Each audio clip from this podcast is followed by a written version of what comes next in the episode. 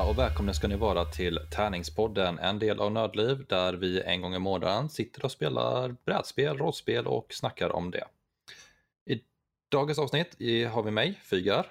Med mig har jag Peter. Hallå, hallå. Och vi har med oss en gäst, för Joel kunde inte vara med, han har följt upp. Men vi istället har vi Jesper, välkommen!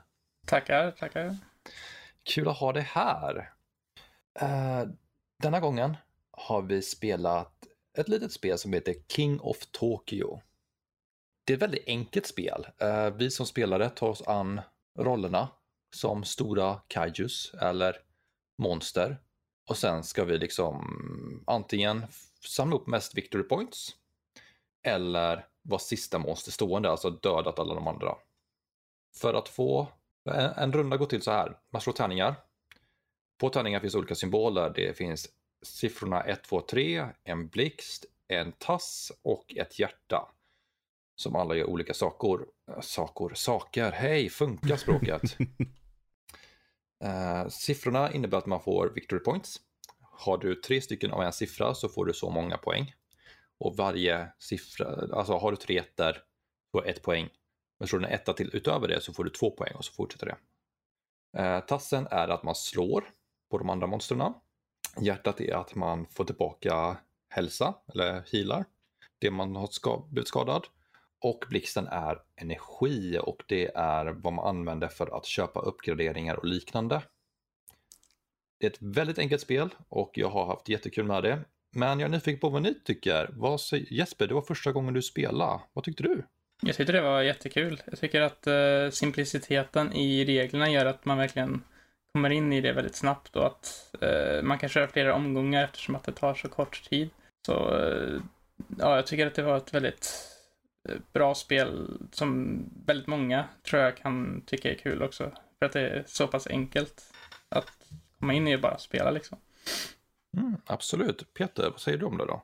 Um, ja, jag håller med. Uh, jag, det, jag, det jag gillar mest med det är att det är ju lite så här, det är ju lite så här chansbaserat när du använder tärningar som alltid. Men eh, sen kommer ju det här till, du måste ju sitta själv och som faktiskt komma fram till vad som är värt att spara, vad du vill satsa på varje runda. För som, när du slår tärningar, du får ju slå om eh, som sagt tre gånger, eller två gånger, eh, hur många tärningar du vill och spara dem du vill av de här sex tärningarna så sitter ju där nästan alltid bara okej, okay, men den här rundan kanske jag skulle behöva gå lite mer för energi. Fast jag, samtidigt, jag skulle ju vilja slå den som är i Tokyo och mass, alltså det är mycket, ganska mycket strategi i det ändå på det sättet. Mm, jo, men det är ju inte bara att uh, slå tärningar och så göra det som dyker upp, utan du har ju den strategin, väl, eh, som du säger, att vad vill jag göra den här rundan? Säg till exempel att jag nyss var i Tokyo, men har åkt på ordentligt med stryk. Jag har tre hälsa kvar av eh, tio då kanske jag istället vill fokusera på att hila istället för att slå på den som är i Tokyo. Jo, exakt. Och det, det blir, ju, det blir ju så här, um, det, eller det som gör King of Tokyo riktigt intressant är ju, för det, det är som ett bra spel så här, i grunden, så här, med bara tärningar och det, men det som gör det riktigt intressant är ju med de här uh, power-ups eller mutationerna som du kan köpa. Mm. Um, och det är ju de som gör det så här riktigt intressant när du som Alltså du kan ju få helt bizarra saker som du hade den första matchen, eh, Fygar, när, eh, när, du hade, när du hade den här extrema mängden reroll som du kunde göra. Ja, alltså om jag slog tre ettor så fick jag en extra runda utan, men jag fick ta bort en tärning. Jag fick tre runder på raken. Ja, det var så här helt galet. Ja, jag tyckte jag tycker det, det är ett väldigt enkelt spel. Jag, att komma in i. Det känns som ett bra nybörjarspel. Jo, det håller jag med om. Um, det är ju ett riktigt bra nybörjarspel och sen snabbt att spela. Det, det, det, här är ett sånt där spel som jag tror man hade kunnat, för det är inte så stort heller. Nej. Alltså det tar inte mycket plats. Så du hade ju kunnat, um, du hade kunnat spela det här typ på en bar om man är ute och dricker med kompisar. Mm det, det, är ett sånt, den sortens spel, för det tar inte så lång tid, det är inte jätteavancerat, så även om man har druckit lite så kan man ju som sätta sig in i spelet. Absolut. Um, jag tror det, det, är helt klart ett sånt spel också. Mm. Jag, jag skaffade det här spelet dels för att uh, ha någonting att spela med min familj som kanske inte är jättehaj på engelska allihopa. Så jag har ju det på svenska, men det är också för mm. att jag ska kunna ha något att spela med min dotter när hon blir lite äldre. Jag kan tänka mig att hon skulle tycka att det här var ganska roligt. jo, det är ju det är väldigt bra tema egentligen. Så här. Ja, det är lite pedagogiskt också. Mm. Det är liksom bra nybörjares första brädspel typ, tror jag. Jo, men precis. Alltså, skit i monopol, skaffa King of Tokyo. Ja. Ja. Men Monopolen, monopol är svårare än detta tycker jag. Ja, det är det definitivt. Monopol är Eh, mer avancerat än man tror. Ja. Men jag tycker att man känner verkligen av tävlingskänslan i det här spelet. Ja. Alltså, jag vet om andra spel vi har suttit och spelat, då, då blir man så lätt passiv när det är en annans tur. Men här kände Ja. man liksom att jag ville vara aktiv, liksom, okej, trashtalka en hel del visserligen. Eh, men det var liksom, det känns som en del av spelet. Jo. Sen är det ju, jag vet inte, det kanske är bara för att jag, jag gillar att spela mycket så här spel vars man ljuger och försöker påverka andra spelare. Mm. Men jag, jag gillar att sitta i just sådana här spel vars det handlar om så här, vars man genom sin tur väljer sina strategier. Så sitter man där och bara, ja men du kanske borde göra det här och sånt Ja, men där. Och precis. bara, Jo, tack, ta- det hörde jag. för då blir det som så här, jag menar visst, många, många av gångerna så är man ju bara, ja men det där, är, det där kanske är det bästa att göra. Mm. Eh, Men, men ibland så man bara, ja, skulle ju kunna slå istället. Mm. Ta energi. Kolla, Precis. han har jättelite HP. Och en sak jag eh, kände med eh, det här spelet är att det är mycket så här risk-reward. Att när man sätter sig in i Tokyo så är den här risken att man inte kan hela sig, men att man samtidigt kan få victory points. Och eh, man är- blir ett stort target. Eh, samtidigt som man liksom kan eh, fokusera på alla andra samtidigt. Så det blir liksom både fördelar och nackdelar med eh, olika val man gör liksom. Ja, absolut. Mm. Jag har ju spelat eh, King of New York. Har, har du spelat det förut, Peter? Nej. Eh, det fungerar, det, det finns lite annorlunda mekaniker i det. Det är inte bara två ställen att vara på, utan det är ju Manhattan är uppdelad och sådana saker. Ah, Så man kan stå på flera delar. Och det finns byggnader att slå sönder och så kommer militären och attackerar. Ehm, så lite mer komplicerat, lite mer att tänka på där. Mm.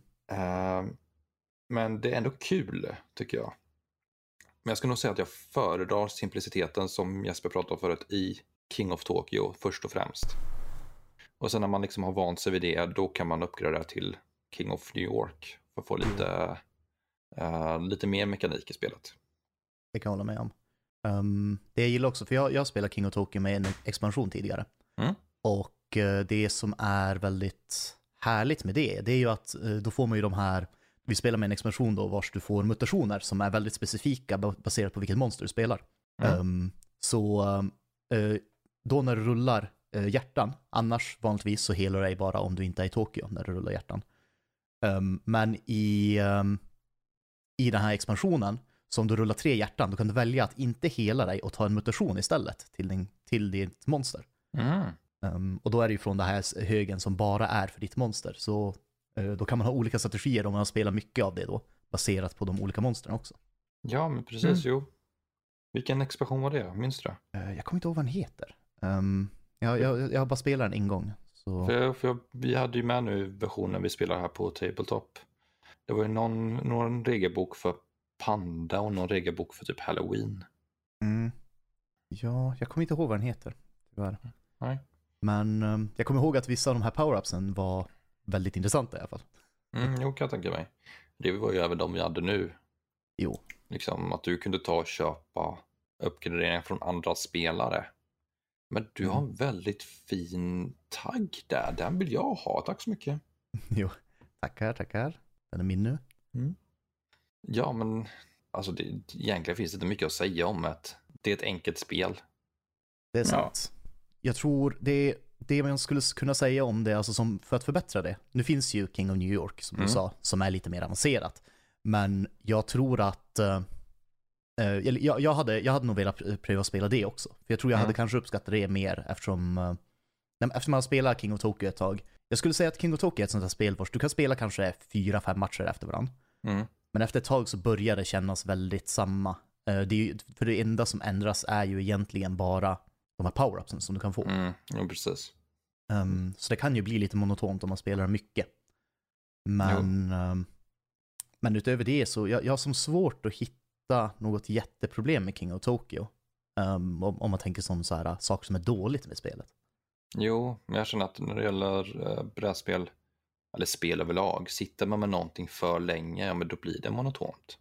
Jo, det är sant. Eh, oavsett. Men det är då kul att se att King of Tokyo, vi har King, liksom, två expansioner till det här. Sen har vi dessutom King of New York, jag tror även den också har en expansion. Eh, så det finns ju sätt att utveckla och att man även Monstren är ju sam... Det är ingen skillnad på monstren man spelar, kan ju vara värt att nämna. Vet, alla monster är exakt likadana, är, förutom designen då. Ja. Uh, så att Jesper spelade med Space Penguin. Uh, Peter hade Mech Dragon och jag hade Gigasaur. Uh, men de har lika mycket hälsa och vi behöver fortfarande lika många victory points och har inga särskilda förmågor. Och det kan jag uppskatta.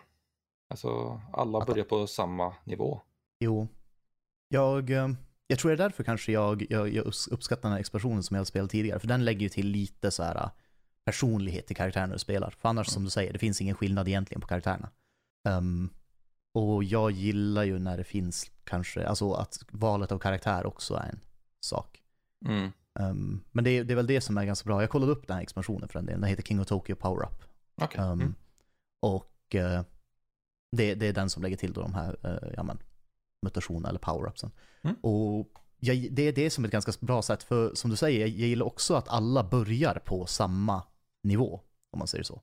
Ingen är starkare än den andra i början, men du har saker som bara din karaktär kan göra. Mm. Just det. Jo, det var ju det att, liksom att om du spenderar om de här hjärtorna för att mutera din, ditt monster. Jag, måste, jag tror jag behöver skaffa det. Jag har ju King of Tokyo här hemma. Jag får nog skaffa den power-up-expansionen. Jag tror eh, det, det hade kunnat vara bra, för det, jag tyckte den var väldigt bra i alla fall när jag spelade. Mm. Uh, Jesper, det var ju som sagt första gången du spelade. Mm. Uh, tyckte du att det var några problem med reglerna eller spelsättet? Jag vet om att du hade lite problem med att vänja dig vid uh, Tabletop Simulator, men det kommer ju allt eftersom. Ja, men det är bara det egentligen. Jag tycker att reglerna och sånt, jag kommer inte på någonting jag kan förbättra egentligen. Förutom det du redan sa där, att kanske ge karaktärerna lite mer typ enskilda och unika förmågor som gör att de liksom blir åtskilda från varandra. Men annars så är det nog ingenting. Jag tycker att det här spelet gör sig bäst i sin simplicitet liksom och att liksom om det skulle bli ännu mer komplicerat tror jag jag tror inte riktigt det passar till just det här spelet utan det ska vara så här. Så jag tycker att det är bra som det är. Typ. Mm. Absolut. Jag har faktiskt inget mer att säga om det. Uh, ska vi hoppa in på betyg eller vill ni tillägga någonting mer? Nej, men jag tycker betyg kan vara bra. Ehm, vi, har ju, vi har ju en viss betygsskala som vi brukar gå efter. Vars vi, eh, vi pratar om hur nybörjarvänligt spelet är samt hur bra det är. Ehm, vill du ta och presentera de olika nivåerna? Absolut. Uh, hur bra ett spel är. Vi går från längst ner till högst upp. Sämre än Monopol. Värt sin tid. Roligt spel. Bra köp. Och toppklass. Och när det gäller nybörjarvänlighet. Du vet vad en tärning är. Lika svårt som Monopol. Ha regelboken till hands. Dags att börja plugga. PhD inom brädspel. Det är våra betygsnivåer och eh, Peter, vad skulle du sätta? Jag skulle säga att ehm, det, här, det, här, det här är ett riktigt bra spel. Jag uppskattar det här spelet. Jag skulle sätta det som bra köp. Det är, jag tycker inte det är toppklass. Mm. ehm, för jag gillar mer avancerade spel. Men det är helt klart ett bra köp. Eh, om någon frågar efter ett simpelt brädspel som, som är bra och, sådär, och de är nybörjare på brädspel, jag skulle definitivt rekommendera det här. Ehm, och som sagt, nybörjarvänlighet. Du, du vet vad en tärning är. Jag tror inte det behövs så mycket mer än det. Det är, det är helt klart lättare än Monopol i alla fall. Mm, absolut. Uh, nej, men jag håller med dig om eh, nybörjarvänligheten, alltså du vet vad en tärning är. Men jag ska nog sätta det på toppklass just för att den är så enkel. Uh, behöver inte liksom att uh, vem som helst ska sätta sig med det och det funkar i uh, alla målgrupper egentligen. Uh, och spelet här finns ju på svenska här så att det finns ju ingenting som hindrar, inget språkligt som hindrar heller.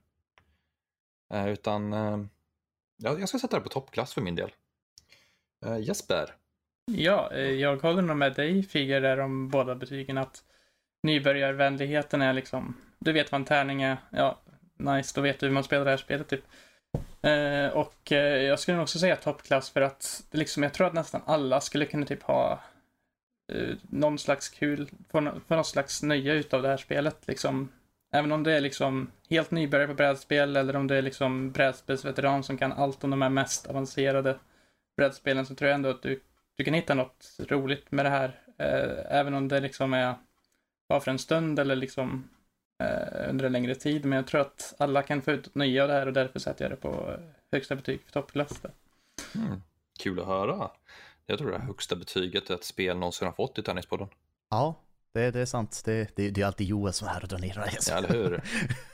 Jag kommer ihåg senast vi hade med gäster, då var det Cards Against Humanity och vi satte Joel sätter sämre än Monopol och vi andra tog liksom varsitt steg på det här. Hur bra är det?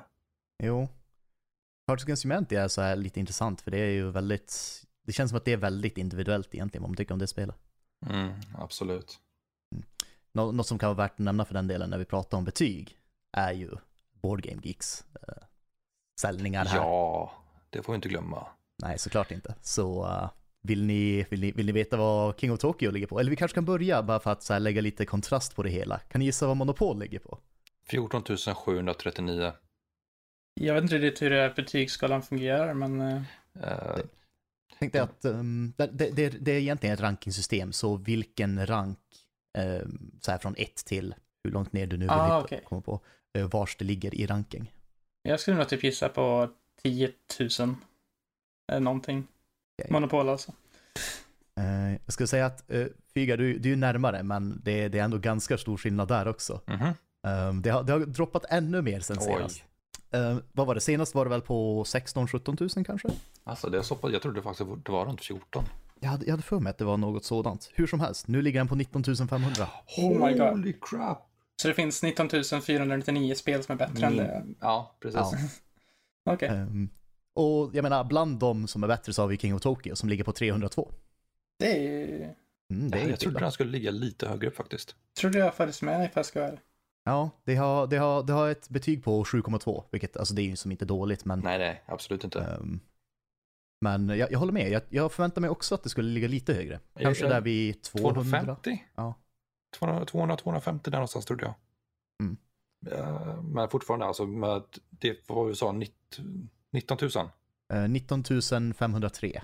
Ja, bland 19 000 spel och ligga på vid 300, det är jäkligt bra. Det är bra.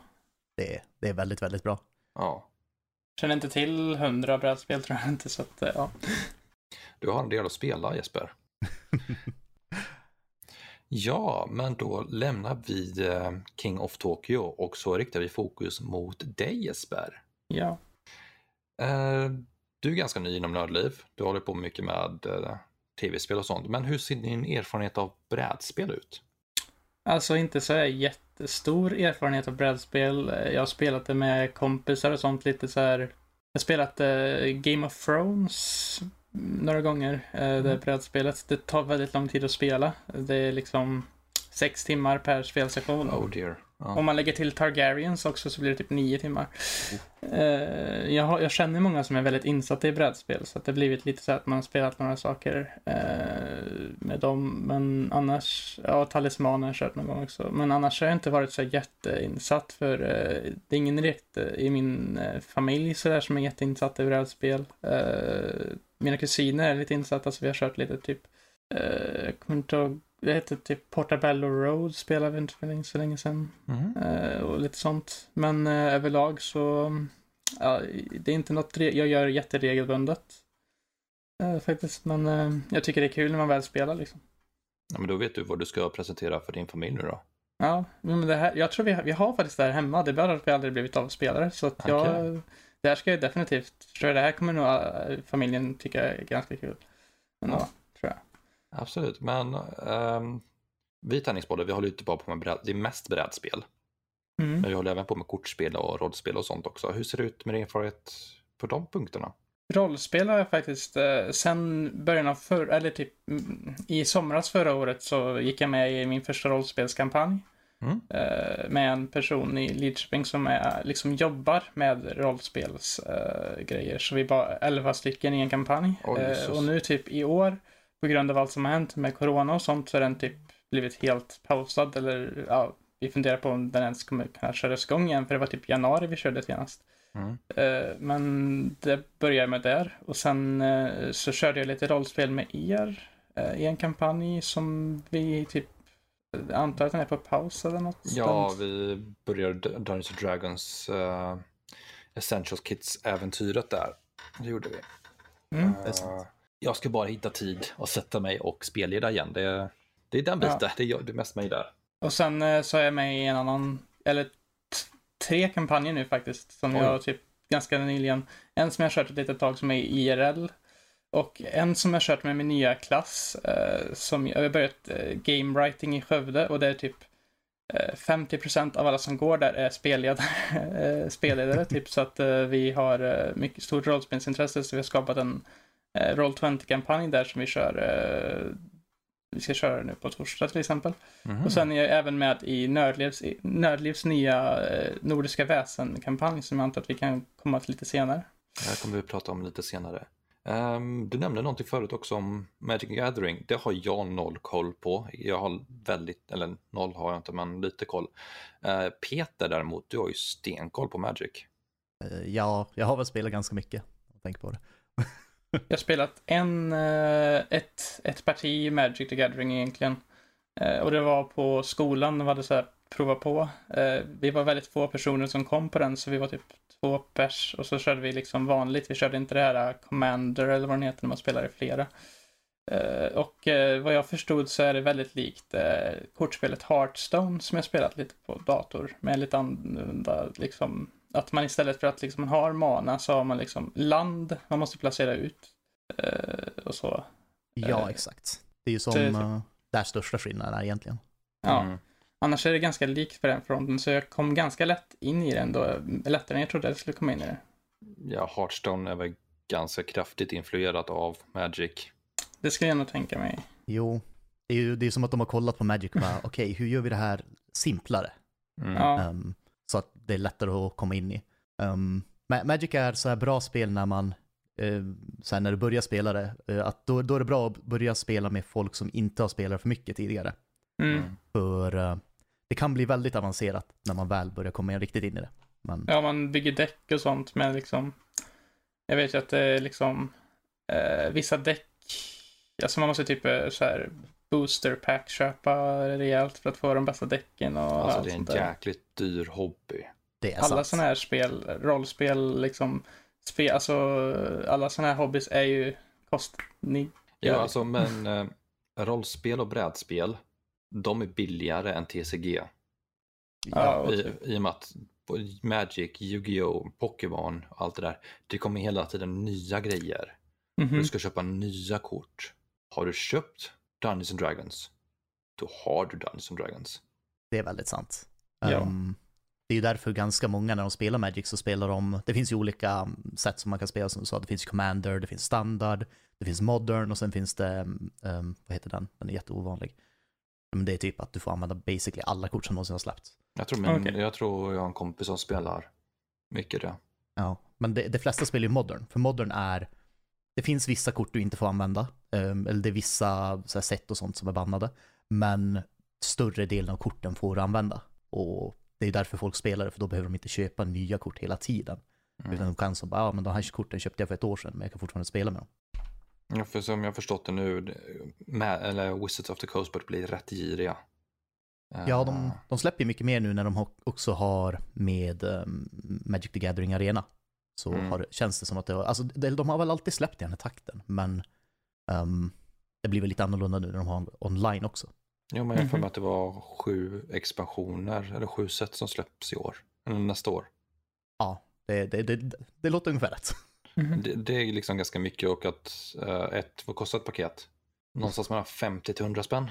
Det kan kosta mer tror jag, vad jag har förstått för de, de jag har pratat med. Det kan kosta typ, jag vet inte du som vet kanske, men det var väl typ runt tusen någonting. Ja, men då köper du ett hel, dis- en hel display. Ja, kanske. Ja. Eh, eller, då- eller ett väldigt ovanligt enskilt kort. Ja. Ja, och så är den också i vissa, eh, som sagt om man spelar någon av de andra, ehm, vad heter det, ehm, spelsätten, så då kanske du köper äldre packs också, som inte görs något mer. eh, Mm. Och sådant. Ehm, det är där det blir riktigt dyrt. Det Ja. är, det är som, jag, jag vet inte, jag, jag, jag, har, jag har spelat mest på Magic the Gathering Arena. Jag har spelat annars också som, eh, um, IRL. Men det mesta av det jag spelat är i, i arena i alla fall. Och där blir det som lite, där blir det också lite annorlunda. Du får inte lika mycket kort per pack, men packs är billigare och du kan få så här packs gratis genom att spela och sånt där. Så Mm. tekniskt sett Mm. billigare. Ja, men det är ju free to play upplägget. Mm. Exakt. Det är Man till- mobilspelsgrejen typ.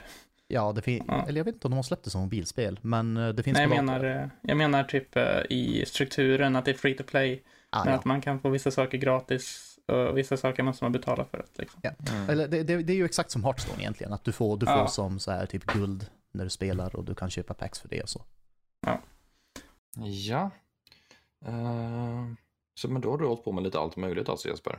Ja, jag har väl testat mycket grejer mest. Eh, brädspel har väl varit mest så här typ vissa gånger så här. Jag har inte riktigt grottat mig ner jättemycket, men eh, rollspel har jag börjat lite mer med på senaste tiden. Det tycker jag är väldigt roligt, så det får jag fortsätta med. Och på tal om rollspel, som du nämnde tidigare så har vi börjat med ett helt nytt rollspel. Nordiska väsen. Vi satt, Mm. igår kväll hade vi vår första session. Uh, Okej, lite snabbt. Nordiska väsen utspelar sig i 1800-talets Norden. Det släpptes nu i augusti så det är väldigt nytt. Spelarna spelar karaktärer som har synen. Det innebär att de kan se eh, väsen för vad de är. De kan se bäckahästar, näckar, skogsrå, tomtar, troll, alltihopa för vad de faktiskt är. Eh, jag förklarar lite som Agatha Christie fast med magiska varelser. Det är lite den känslan jag har fått. Eh, det är inte som Dungeons and Dragons eller något att du ska slåss för att få dina svar utan du ska lösa mysterium och lista ut varför. Vad är det som händer och hur kan vi lösa det? Ehm, jag är helt ute och cyklar med den förklaringen eller vad tycker ni? Nej, Jag tycker Nej. den passar in. Ja. Alltså det är inte så mycket så här combat-spel, utan det är mer bara liksom eh, löst med liksom gåtorna och prata mycket med eh, olika människor och liksom konversationerna är liksom konversationerna och miljöbeskrivningarna och allt sånt där ligger i fokus istället på eh, det kanske spelmekaniska om man säger så. Mm. Och vi spelade som sagt vår första session igår. Vi spelar ett mysterium som är i boken. Vad heter Drömmarnas dans. Ehm, jag tänker inte berätta för mycket om vad det handlar om. Men jag tycker att stämningen är ju faktiskt lite otäck. Jag är spelledare. Så jag kanske inte, jag kanske inte ska säga så mycket om det. Men jag tycker ändå stämningen är otäck. Vad tycker ni om det? Ja. Jag, ty- jag tycker stämningen är, den, den påminner mig om, eh, av någon anledning så här när vi, när vi först började spela så började jag nästan tänka på, um, har- ni, ni, har, ni har sett uh, Disney-filmen uh, Prince and the Frog? Ja, Ja. Vad heter han um, som bad guyen i den filmen? Um, Mm. Han är voodoo uh, ja jag vet vad du menar men jag kan inte namn, kommer inte på Ja, namnet. jag, jag kommer inte ihåg vad han heter. Men av någon anledning började jag tänka lite på honom. För han är ju också så här som skuggor och ehm, Mm. så här demoner som gömmer sig i skuggorna. Ehm, lite det började jag tänka på först. Sen, sen eh, som när vi kom lite längre in försvann kanske lite den känslan. Men jag gillar, jag gillar idén. Det hela. Mm. Ja, vad tyckte du om det då Pet- äh, Peter? Joel? Nej, nej. Det vet jag inte. Jesper Nej, heter jag. Jesper. Hej, jag är trött idag tydligen. Det går inte bra för mig någonstans. De här tre monstren igår. Eh, jo, jag tyckte att det var väldigt intressant story i det spelet. Att man liksom, man vill alltid, jag vill alltid reda på liksom mer detaljer om vad det egentligen som egentligen försiggår i den här världen. Och att saker börjar falla på plats så det blir bara mer och mer intressant. Och det här när, ja, när monstren kommer och så vill man veta vad det är. Och sen, alltså jag tycker att, eh, ja, världen i den är väldigt intressant också, liksom utspelar sig i eh, 1800-talets Sverige eh, och eh, man märker hur lite man egentligen kan om 1800-talets Sverige när man spelar känner jag. Att eh, hur det egentligen var då, för jag det är lite svårt att liksom tänka sig fram eh, miljöerna eh, som exakt det var och sen liksom hur man ska prata och sånt. Ja, jag, jag läste någonstans om att det finns inte mycket dokumenterat egentligen om 1800-talets Sverige. mm. Det är kanske är därför då. Ja, Ja. Det, det, är liksom, det är en liten tom lucka här i svensk historia. Eh, vilket då gör det än mer intressant att försöka lista ut hur det var där. Ja. Mm, verkligen. kanske därför de valde också att sätta det i den eh, tiden. Mm. Mm. Vilket det skulle vara intressant val också. För att jag kan inte påminna mig särskilt mycket om att vi, att vi pratade om 1800-talet, Sverige, när jag läste historia i skolan. Nej, det gjorde man ju aldrig. Det som var, vad gjorde Sverige på den tiden och ganska fredliga och tog det lugnt som, känns det som. Ja, för 1900-talet hade man ju det här med eh, man flyttade till USA och sådana saker och sen typ 1700-talet och sånt med typ stormaktstiden, men aldrig just 1800-talet. Nej, Det Ja, har det du är faktiskt rätt i. Vi har en liten lucka där mitt i allting. Ja, det är, jag, jag, jag känner igen som lite den här känslan av att så här, man har svårt att veta hur man ska bete sig. För det är, ehm, jag, jag spelade ju en Call of Cthulhu-kampanj. Och Mm. Mm. där blir det väldigt samma, där är ju 1920-talet. Mm. Men det blir fortfarande lite samma vars, eller det, 1920-talet känns lite svårt ibland. För man, det är många så här saker man bara, okej, men det där borde finnas. Men finns det här? Och så här, när det kommer till som så här dammsugare, finns det på 1920-talet? Tydligen Mm. ja. Okej. Eh, så det, det är mycket sådana saker. Och sen i och för sig, jag spelar med mycket av mina kompisar, så det är många av de här sakerna så vi bara, ja men jag tar och hämtar det. Och vi bara, finns det? Bara, ja, vad- varför inte? Någon brukar kolla upp ibland vad som händer. Sen hjälper det också att vi, vi har satt kampanjen i, ehm, i Umeå, vars jag bor. Och vars, vars många av dem har bott. Mm. fast på 1920-talet. Så det, det gör det ännu mer intressant. Jo, det, det var det lite det jag satt och funderade på Uh, nu när jag suttit med väsen. Jag och en kompis, vi håller på att efterforska lite att flytta, liksom hämta hem väsen från andra kulturer. Säg till exempel att en mumie från Egypten hamnade här i Sverige. Och så, hur, liksom, hur skulle den bete sig? Hur skulle det väsenet bete sig? Eller hur skulle det vara om Jack the Rippers gast hemsökte en person? Liksom, eller hur skulle, det- hur skulle det vara i, i, i, i London på 1800-talet? Liksom lite sådana saker har vi börjat forska på. Eh, för att eh, liksom bre, bredda ut det lite. Det kommer fler delar, det står i boken redan att eh, det kommer fler moduler till det här spelet, till Nordiska väsen.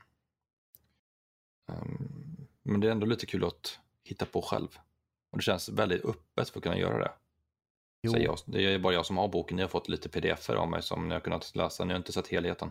Nej. nej men jag, jag tycker att alla sådana, alltså alla sådana rollspel också, det går ju alltid att ändra saker. Det är som till exempel, eller ja, som, som vi har gjort med Call of Cthulhu, det är ju gjort för att spelas i USA. Mm. Du, du ska spela i USA, östra, så, som East Coast vid eh, typ New York och sånt. Mm. Men eh, det är ju bara som ändra på det helt enkelt. Mm, Det finns en svensk variant av Call of Cthulhu tror jag. Eh, Jo. Call of... Jo, jag har hört det. det. Den släpptes ganska nyligen får jag som för mig. mm. Mhm. Får man kolla på. Eh, jag tror den heter Call of Cthulhu Sverige bara. Ja, det tror jag. Det var så pass enkelt. Ja. Så jag, jag, jag, jag har försökt hitta den boken ehm, online någonstans, men än så länge har jag inte lyckats hitta. Man kanske måste gå och köpa, få köpa fysiska versionen. Mm. Sci-fi-bokhandeln tror jag det var jag såg det från. Typ att de hade fått in det. Ja, det var det. Ja. Så där borde det finnas eh, sådana saker. Mm. Ja, men eh, ja, Nordiska ska bli, det ska bli intressant att se vart kampanjen tar vägen. Ja, Eh, Ja. håller jag med om. för att det var ju väldigt enkelt att skapa karaktärer. Jo, ja. sen själva systemet är ju väldigt simpelt egentligen. Men väldigt svårt, alltså ganska oförlåtande. Jo, det är det. Men eh, alltså om man, om man tänker så här eh, avancerade rollspelsystem så är ju egentligen mest avancerade är ju D&D egentligen. Mm. Ehm, eller ja, ja, du måste lära dig mest för att spela. Ja. Um, Medan jag skulle säga att det här är ju, det här är ju väldigt mycket i stil med eh, World of Darkness. Ehm, de använder ju D10 istället. Mm. Men eh, annars så är det exakt likadant. De, eh, så här, du, du har fem i en stat, då får du rulla fem tärningar. Mm. Jag kan tänka mig att författaren till den här boken, han är ju författare, illustratör och eh, podcaster också. Johan Egerkrans heter han. Mm. Och han är ju en sucker, alltså han älskar verkligen nordiska var, var, liksom mytiska varelser och det märks ju. Både i boken och i hans podcast och sådana saker. Mm. Eh, Jag såg nu nyligen att han har illustrerat en ny version av Mio med Mio. Mhm. Ah, Det skulle vara Intressant. att kolla i den, tyckte jag. Med lite typ eh, skräcktema då eller? Nej, nej, nej, alltså han har bara illustrerat. Ja, det var illustrerat, okej. Så det är hans stil, men det är samma berättelse. Det är lite häftigt. Ja, eh, det ska bli kul att se lite. Eh, har ni något mer ni vill säga om Nordiska väsen?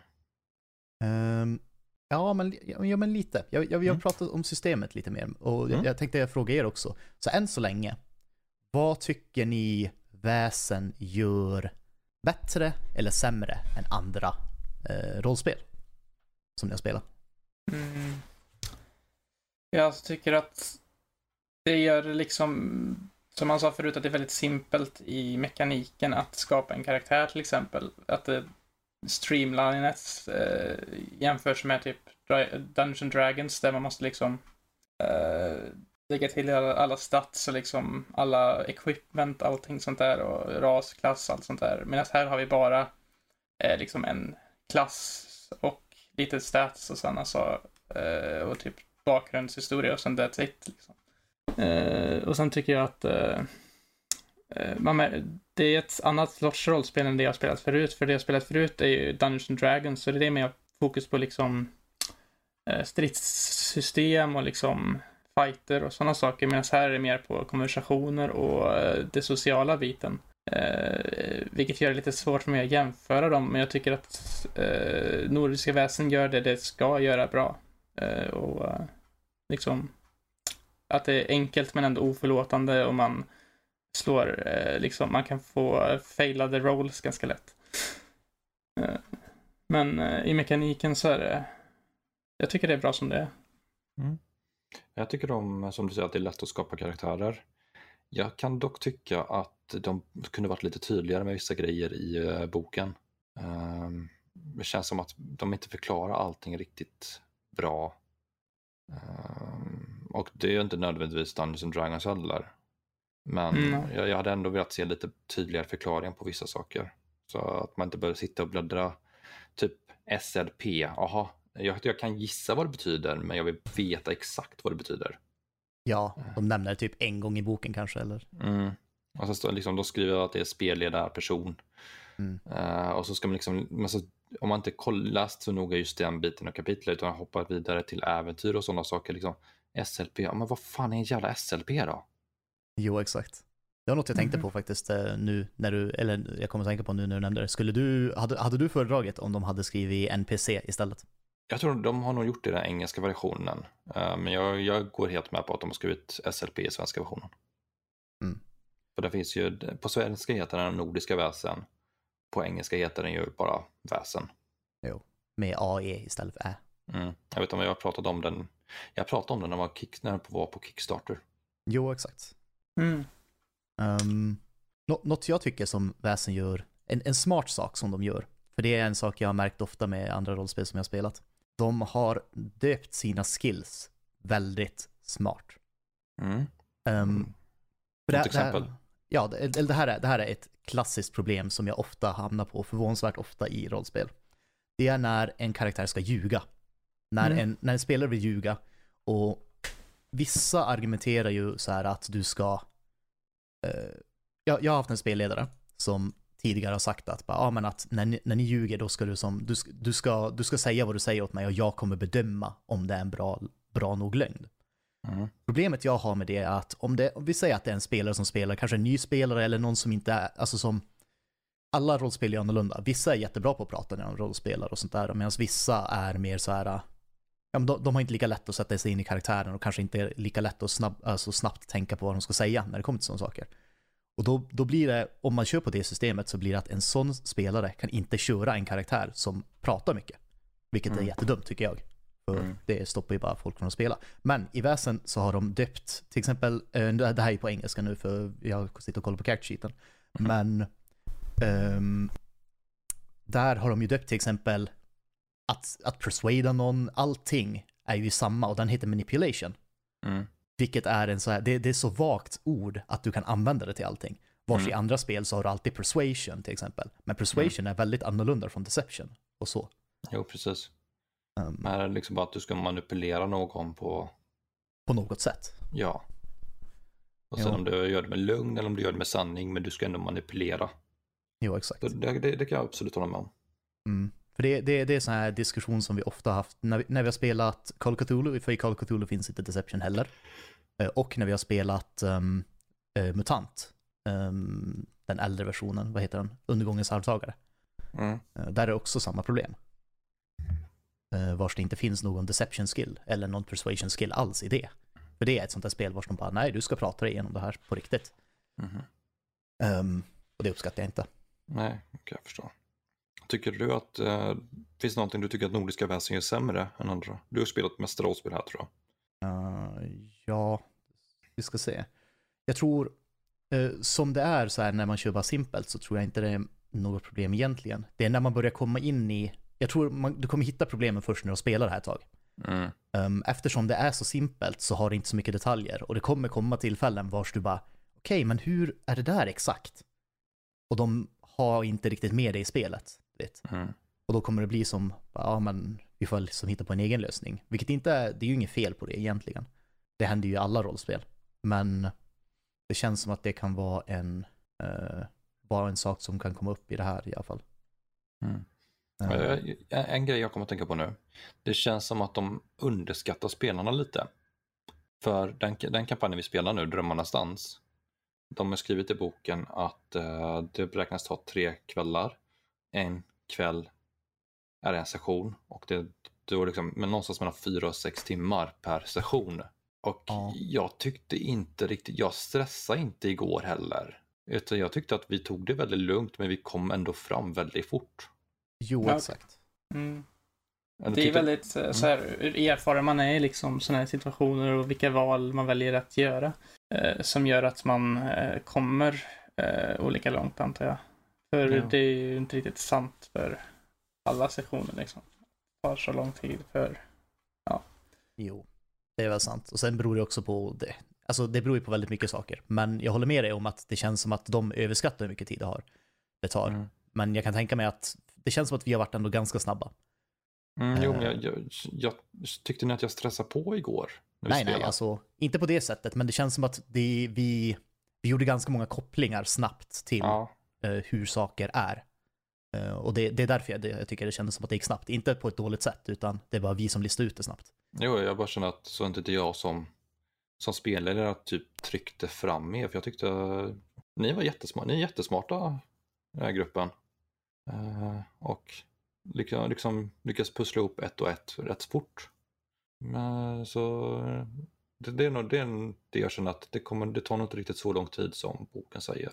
Nej, men jag tror de också kanske har dragit det på överkant i boken för det hade ju varit ännu värre om de bara, ja det tar så här länge, så tar det mycket längre tid. Mm. Jo, absolut. Men att det tar upp till sex timmar en session. Ja, det är mycket mer att man klarar av hela äventyret på sex timmar. Beror helt och hållet på gruppen och hur samarbetsvilliga de är.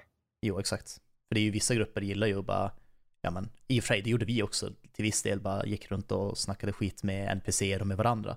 Mm. Men vissa grupper är ju mycket värre än, än vad vi är skulle jag säga, vars de kan, de kan spendera en halvtimme som och prata med så här karaktärer emellan. Mm.